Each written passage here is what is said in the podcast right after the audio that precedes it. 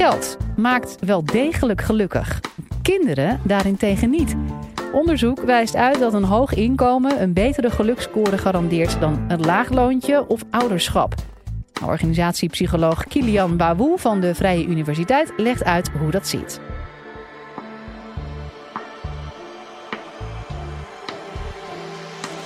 Live vanuit Club Air is dit de Universiteit van Nederland. Dames en heren, op, uh, op 2 oktober 2005 werd mijn, uh, werd mijn zoon geboren. En uh, de geboorte van een kind is een, is een ongelooflijk uh, prettige sensatie. Ehm, en als ik heel eerlijk ben, was, het, was ik eigenlijk ook gewoon blij dat het voorbij was. Want een bevalling is namelijk ehm, niet zo heel erg leuk om naast te zitten. Nee, dat uh, neemt u voor de mensen die dat nog nooit hebben meegemaakt. Je zit naast iemand waar je heel veel van houdt en heel veel omgeeft. En, uh, en op een gegeven moment vraag je, waar gaat het? En ze zegt, nee, nee je, kunt niks doen. Dus ik, ik, ik zat daar maar een beetje en uh, moest naar het ziekenhuis. In het ziekenhuis aangekomen, dan komt er één zuster en toen, toen kwam er nog een zuster. En dan komt er zo'n co-assistent en dan een gynaecoloog in opleiding. En dan komt er een, een gynaecoloog. En, en, ik, en ik zat daar maar naast en ik hoorde die, die arts tegen uh, een andere arts zeggen... ja, het kind kan de H2 niet maken. Geen idee waar het over ging, maar het, klonk niet goed. En uh, het was een heel, heel stressvol moment. En het was een zondag, 2 oktober 2005. Dus ik, nou ja, ik zat daar maar een beetje. Het was... Uh, einde van de middag. Dus ik denk, nou laat ik dan maar de krant gaan lezen. Werd niet gewaardeerd. Um, en toen dacht ik, uh, ja, het was een uur of zeven, zondag. Dus ik, ja. En er stond een tv, dus ik denk, nou niet goed. Ik krijg dat af en toe nog steeds voor me kiezen. Uh, dat was dus allemaal niet goed. En uh, ik zat daarbij en, en, een hoop gedoe. En, en uiteindelijk kwam de hoofdgynaecoloog erbij. En net iets voor tien uur toen was hij er. En ongelooflijk bijzonder moment. En, en ik, ik, bleef slapen in het, in het ziekenhuis. En ik had eigenlijk al twee dagen niet geslapen. En de volgende ochtend liep ik een beetje versuft zo door zo'n door zo'n babywinkel. En dan, dan weten die verkoopsters die weten je wel te hebben. Want die zien, oh ja, dat is zo'n onzekere jonge vader. Dus dan krijg je zo'n verhaal. Uh, nou meneer, misschien moet u dit ook hebben. Dus ik liep daar met allerlei spullen. En ik zag op een gegeven moment iets in een aanbieding. En er stond uh, uh, mokken voor mama. 4,95 euro. Mokken voor mama. En ik keek naar die mok en ik denk, dat moet ik hebben. Dus ik kocht deze mok. En ik, uh, ik, haalde, ik kwam thuis, ik haalde mijn zoontje, die dus net een paar uur oud was, die haalde ik uit de, uit de wieg. En ik, hoofdje goed vasthouden. En uh, ik hield hem zo net voor mijn vrouw. En ik gaf met, met zijn handje, gaf ik zo deze kop. En mijn vrouw vond het prachtig. Echt, uh, uh, ja, vond het prachtig. En tranen van, van emotie. En, en ik moest huilen en de baby moest helaas ook huilen. Was dan, uh, was dan niet helemaal de planning, maar een ongelooflijk bijzonder moment. Namelijk het, het moment, zij voelde dat ik dit, dat ik dit heel goed meende. Namelijk een cadeau als, als respect voor alles wat ze had doorstaan. Die negen maanden in het algemeen en die laatste 48 uur in het bijzonder. Toen een paar jaar later, op 19 uh, maart 2009, werd mijn dochter geboren. En toen dacht ik van, uh, nou, weer hetzelfde ritueel. Het was weer niet leuk. En weer naar het ziekenhuis. En weer uh, een, een verpleegkundige en nog een verpleegkundige. Een arts en een co-assistent. En weet ik wie allemaal. Zo'n zo band eromheen. En dan hoor je dat hartslagje. En die valt dan weg. En oh, stress. En uh, toen was mijn dochter daar. En de volgende dag liep ik door diezelfde winkel. Want ik wist inmiddels die winkel te vinden. Ietsje minder onzeker. Want ik wist een beetje hoe het werkte. En toen zag ik weer die mokken staan. En toen stelde ik mij een vraag die ik vandaag eigenlijk aan u zou willen stellen. Um, want ik, ik, dacht van ja, ik kan natuurlijk nu weer zo'n mok kopen en weer baby vasthouden, goed hoofdje. En dan uh, weer met, zijn handje, met haar handje dan uh, die beker geven. Ik denk ja, dan doe ik dat twee keer en dan uh, is niet een beetje afgezaagd. Toen, dacht ik, toen stelde ik mij die vraag die ik u eigenlijk ook zou willen stellen.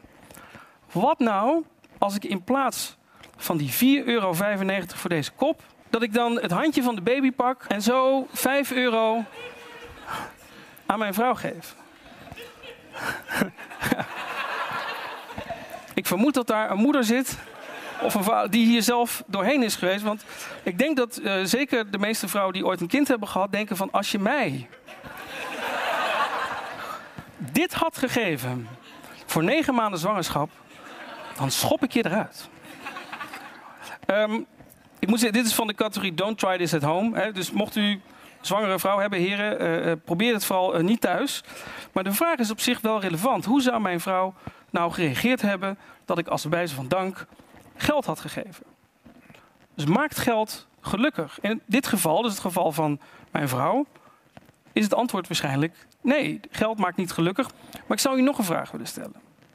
Stelt u zich nou eens voor dat niet dit mijn vrouw is en dat mijn vrouw in een land woont waar heel weinig geld is. Waar, ehm, waar het kind eigenlijk misschien niet eens kan overleven omdat er gewoon te weinig geld is. En dat zijn er nogal wat. Hè. Bedenk, niet, bedenk dat in een college als deze, de, in een kwartiertje sterven er zo 150 baby's op de wereld omdat de ouders niet in staat zijn om ze te voeden. En stel je nou eens voor dat ik de vader was en ik zou in, in een land, ergens uh, in een heel arm land, zou ik naar een winkel gaan en ik zou naar mijn vrouw gaan en zeggen: Schat, dit is voor jou. Hoe zou ze hierop gereageerd hebben? En ik vermoed dat ze zou zeggen: Schat, ongelooflijk aardig van je, maar we hebben niks om erin te doen. We hebben geen geld. Het kind heeft niks te eten, heeft niks te drinken. Dus maakt geld gelukkig? In dit geval is het antwoord absoluut ja. En dat is iets wat ik merk als ik met mensen praat die het onderzoek over geld en geluk niet zo goed kennen, is dat er een verschil zit tussen mensen die uh, een, een, tekort hebben aan geld, die geldproblemen hebben, dat die heel anders reageren op geld dan het in het geval van mijn vrouw, die zich niet zorgen hoeft te maken of ze eigenlijk wel kan overleven. Een, een van de beroemdste psychologen is, uh, is Abraham Maslow. En Maslow is bekend van zijn piramide. De piramide van, van Maslow. En in die piramide zit een hiërarchie. En wat Maslow zei is dat, dat behoeftes in het leven gaan volgens een bepaalde hiërarchie. Je moet eerst te eten en te drinken hebben, dan moet je veiligheid hebben. En zo gaat de piramide omhoog tot zelfverrijking of wordt het zelf-evaluatie. dat je jezelf ontwikkelt. En ik moet zeggen, in de psychologie is deze piramide niet bijster populair meer. In tegenstelling tot ehm, in het populaire uh, wetenschap, mensen zijn dol op de piramide van Maslow. Maar er is niet heel veel bewijs dat behoeftes daadwerkelijk in zo'n hiërarchie gaan. Maar er is één onderdeel van de piramide van Maslow waar zeker wel bewijs voor is. En dat is dat de onderste trede van Maslow, de onderste trede in deze piramide, die is te koop. Als je niks te eten en te drinken hebt, dan is dit ongelooflijk belangrijk voor je. Je kunt de eerste trede van Maslow kun je kopen. Dus wat is nou de relatie tussen geld en geluk? Maakt geld nou gelukkig? Als je heel erg arm bent, ja, dan maakt het gelukkig. Als je niet heel erg arm bent en je hebt niet, laten we zeggen, financiële nood in je leven, dan maakt dit je veel gelukkiger dan dit. En het, uh, een van de bekendste psychologen die daarna uh, onderzoek heeft gedaan, is, um, is Daniel Kahneman. En Kahneman deed onderzoek naar de vraag: maakt geld nou gelukkig? Nou, laat ik het verhaal iets ingewikkelder vertellen dan het meestal wordt verteld. Zijn rijke mensen nou gelukkiger dan arme mensen? Ten eerste wat opvalt is dat uh, het afhangt van wat je nou verstaat onder geluk. Je hebt geluk in de cognitieve zin, namelijk dat je iemand vraagt: denk eens na over je leven. Heb je nou het leven wat je zou willen? En je hebt geluk in het alledaagse leven. Dus je vraagt aan iemand: hoe voel je je? Heb je stress? Heb je gelachen vandaag? Hoe, hoe voel jij je op dit moment? En wat Kahneman deed is, heeft onder 450.000 uh, Amerikanen heeft hij gekeken van hoe, hoeveel stress hebben ze, hoeveel geluk hebben ze, et cetera. En dat vergeleken met hun inkomen. En hij heeft gekeken hoe evalueren mensen hun leven. En wat blijkt? dus neem een stap terug.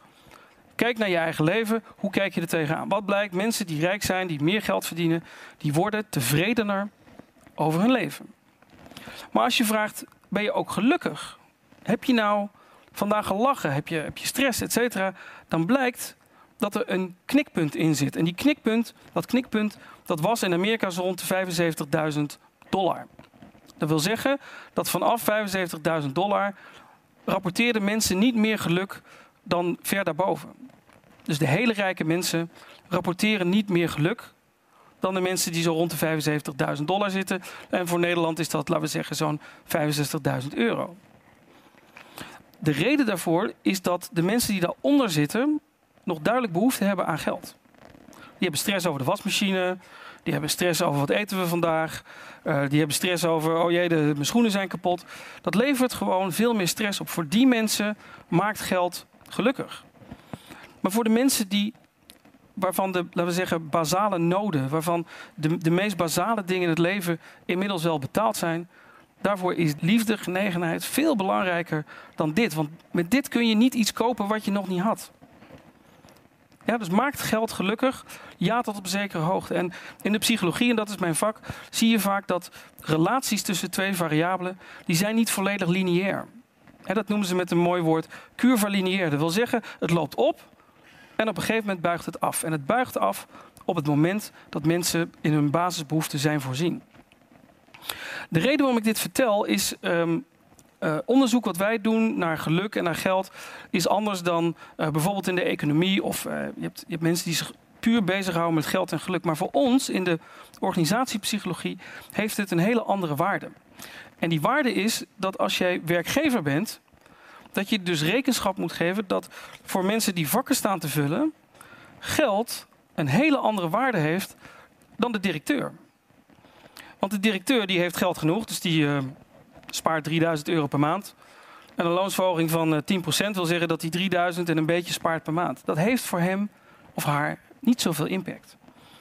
In tegenstelling tot de vakkenvullen, want 5% loonsverhoging betekent 5% dichter bij je nieuwe brommer of 5% dichter bij je nieuwe telefoon. En het punt is dat de mensen die beslissen over uh, zullen we dit jaar bijvoorbeeld een loonsverhoging doen of zullen we uh, gaan corrigeren voor de inflatie, dat die mensen in de top zitten en zich niet meer kunnen voorstellen dat voor arme mensen of voor mensen die geldproblemen hebben, dat geld wel degelijk samenhangt met geluk. Voor hun is het ongelooflijk belangrijk dat ze genoeg verdienen.